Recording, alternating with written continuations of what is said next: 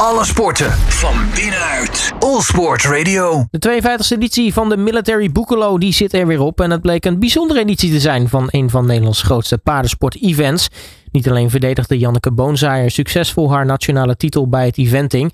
De Fransman Nicolas Toussaint pakte zijn tweede eindzege nadat hij het event 17 jaar geleden ook al eens op zijn naam zette. Ik ga erop terugblikken met Jacob Melissen van het event. Jacob, hele goedemiddag.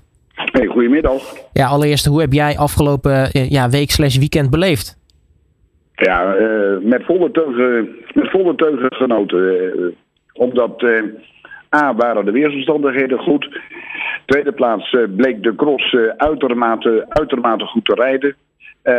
en ja, dan eigenlijk altijd het belangrijkste is dat eigenlijk alle paarden die tijdens de eerste veterinaire keuring werden aangeboden, gisteravond weer uh, gezond en uh, happy uh, vertrokken zijn vanaf de terreinen van de Middeltrie Boekelo.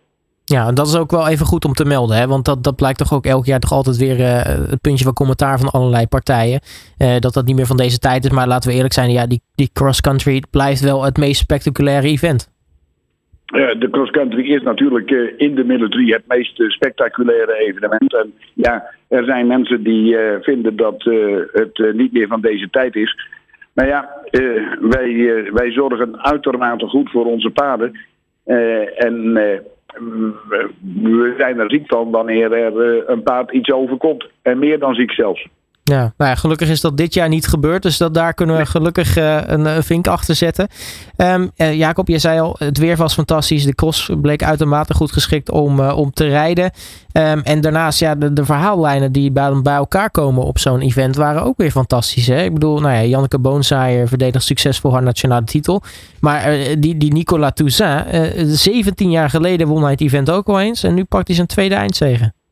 Ja, dat is natuurlijk een van die hele leuke dingen van de paardensport. Dat paardensport een tak van sport is voor, uh, voor eigenlijk alle generaties. Uh, en dat niet alleen. Het is, het is gewoon een, eigenlijk misschien wel, en dat realiseerden zich weinig mensen, de meest geëmancipeerde, de meest geëmancipeerde tak van sport die er überhaupt bestaat. Want mannen uh, strijden tegen vrouwen.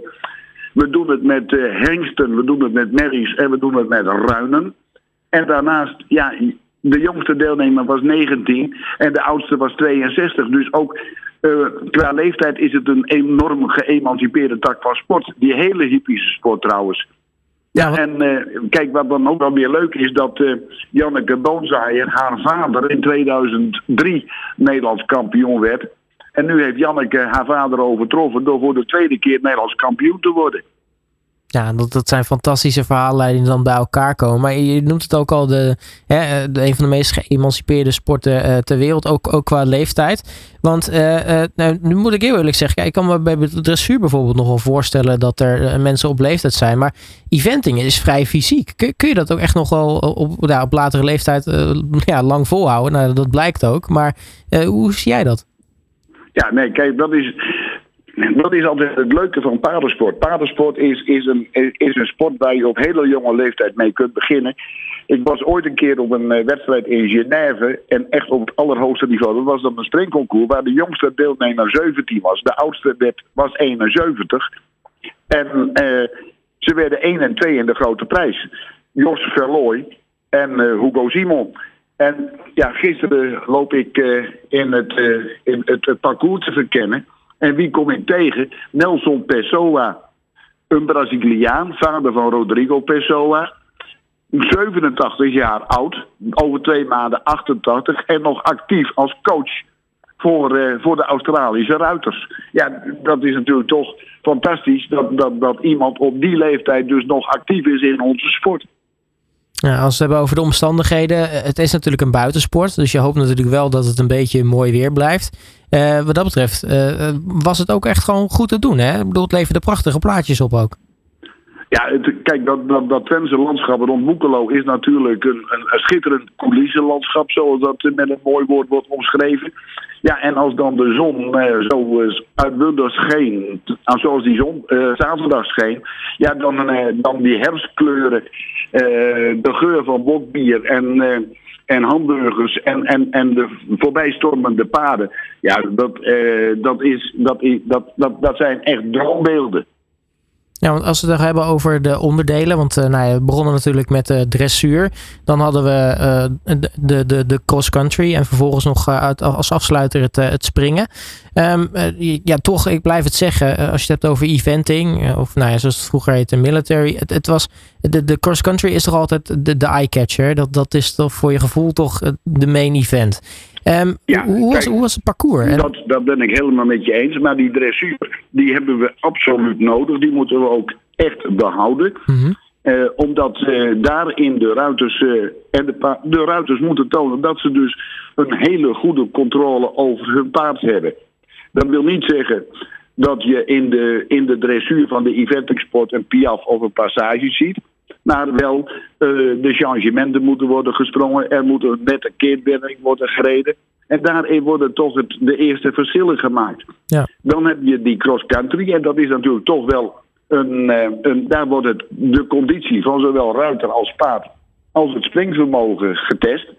En ja, om dan ervoor te zorgen dat die paarden dus niet helemaal het, uh, plat werd gezegd, het snot voor de ogen wordt gereden. Uh, is er een regel dat uh, degene die de optimale tijd het uh, dicht benadert, in een geval van een ex-equo qua strafpunten, mhm. die uh, boven degene wordt geplaatst die, die zeg maar die tijd niet zo optimaal heeft benaderd. Nou, dat, dat kwam dus gisteren ook weer heel mooi uit. Want de Belgische Lara de Liederkerke die reed exact in 10 minuten en 6 seconden de cross-country. Terwijl de uh, Engelse Rosalind Cantor met 17 maar liefst een, een, een, seconde of tien binnen die tijd reed. En daardoor werd Lara de Liederkerk uit België tweede en Ross Cantor moest genoegen nemen met een derde plek.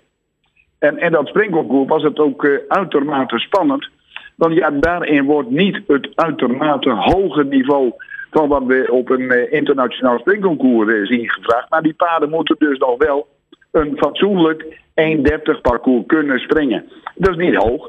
Dat is een, eh, het, het, was technisch niet moeilijk. Het is, maar de paarden moeten nog wel fit zijn. Dus vandaar dat je dus op die manier met die, optimale, met die regel van die optimale tijd. En en dat springconcours er toch ook voor zorgen dat die paarden op zaterdag niet helemaal, helemaal niet over de kling worden gejaagd. Ja, dat is eh, zeer belangrijk. Hè? Dat is de, de, de sterkste over alle eh, die wint uiteindelijk natuurlijk. Um, de meest complete. De meest complete. Um, maar als we het toch even hebben over de, de, de, de cross country. Want je noemde al, het parcours was, was goed te springen. Waar, waar ligt dan de grote, of waar ligt dit jaar de, de grote moeilijkheidsgraad in het, in het parcours? Nou, die, die moeilijkheidsgraad was dus deze keer echt te vinden op twee hindernissen. Dat was uh, bijvoorbeeld de watercombinatie. Uh, daar waren een aantal valpartijen. En dan, als je dan dus die valpartijen gewoon gaat analyseren, dan zie je dus in een paar gevallen. En dat was bijvoorbeeld het geval bij de Olympisch kampioen Julia Krajewski, die op de watercombinatie eh, ten val kwam. Dat paard dat oversprong zich op de hindernis voor het water. Dus dat paard maakte een, een enorm hoge sprong. En in de landing verliest dan de Amazone haar balans. Ja, en valt eraf. Uh, een aantal andere valpartijen in het water werden veroorzaakt, volgens de deskundigen, dat de combinatie toch net met iets te veel snelheid het water insprong. Je moet dus het water eigenlijk op een hele langzame manier inspringen omdat als je er met heel veel snelheid inspringt, dat water de, zeg maar de benen, eh, de voorwaartse beweging van die benen enorm afremt. Waardoor die paarden als het ware niet over de kop slaan, maar wel als hun, hun voorbenen, zo willen we dan zeggen, verliezen en daardoor ten val komen. Uh, en uh, de, de, tweede hindernis die voor de nodige problemen zorgde, dat was de op, drop en drop waarin eh, de paarden eh, bovenop een heuvel een sprong moesten maken, dan een vrij steile afdaling maakten en dan een hele scherpe wending naar links. Ja, uh, over een smalle hindernis. Nou was dat op zich verder het probleem niet. Het probleem was alleen die smalle hindernis. En ook mhm. daarin probeer je dus weer als parcoursbouwer ervoor te zorgen dat de technische vaardigheden van, het, uh, van, van de ruiter enorm op de proef worden gesteld. En wat is nou het mooie van de parcoursbouwer van uh, Boekelo, Adrian Ditchen? Die, uh, die heeft een hele mooie filosofie. Je moet een paard vertrouwen geven. Maar je moet een paard. Hoe kun je nou een paard vertrouwen geven? Omdat dat paard ook een stuk ervaring heeft. Op het moment dat je een hindernis hebt uit bijvoorbeeld drie onderdelen, dan zijn die A, B en C genummerd. Op het moment dat het paard hindernis A springt, moet het hindernis B eigenlijk kunnen zien. Want dan ziet dat paard ook de rode en de witte vlag. En dan weet hij ook uit zichzelf van oké, die kant moet ik op. Nou, en uh, wanneer dan het paard hindernis B heeft gesprongen, ziet hij in wezen alweer hindernis C. En ook weer die rode en witte vlag. Waardoor hij weet, oké, daar moet ik naartoe. En zo helpen ruiter en paard elkaar door die cross heen. En is het in die cross-country ook heel vaak het vertrouwen van de ruiter in het paard, maar ook het vertrouwen van het paard in de ruiter. De absolute top Amazone in onze sport. Uh, uh, die heeft ooit eens een keer tegen mij gezegd. Dat was Lucinda Green, Prior Palmer. Die heeft ooit eens een keer tegen mij gezegd: Kijk, wat is het leuke van onze sport? We gaan naar een vierster. En dan gaan we weer terug, een paar weken aan de later, naar een drie ster. En als hij dan weer super heeft aangepakt, dan weet ik dat ik niet te veel heb gevraagd. Mhm. En zo bouw je dus heel langzaam maar zeker aan het vertrouwen tussen ruiter en paard. En kun je dus heel goed zo'n cross ingaan. Ja, zo komt alles natuurlijk bij elkaar. Uh, als we het uh, nou, nog even hebben over, uh, over de Military Boekelo. De 52e editie zit er natuurlijk nu op. Um, wat, wat, wat, gaat, wat kunnen we van editie 53 uh, verwachten? Zijn er al ideeën waarvan je ziet van nou, dat, dat, daar, daar willen we ons ook op gaan richten? Nou, we hebben een, een, ongelofelijke grote aandacht altijd gehad voor de veiligheid in onze sport. Voor de paard en voor de ruiter. Uh, we werden misschien wel een beetje overvallen door de enorme toestroom van het publiek. Dus we zullen zeer zeker iets moeten doen aan uh, aan zoals dat tegenwoordig met modern Nederlands heet uh, crowd management. Uh, daar, zal de nodige aandacht aan besteed worden. En voor de rest zullen we ons blijven focussen op veiligheid, veiligheid, veiligheid voor paard en ruiter. Nou, klinkt als een strak plan. Jacob Melissen van Military Boekelo Enschede, mag ik je hartelijk danken voor je tijd. En spreek elkaar ongetwijfeld snel weer. Oké, okay, dankjewel voor de tijd. Alle sporten van binnenuit. All Sport Radio.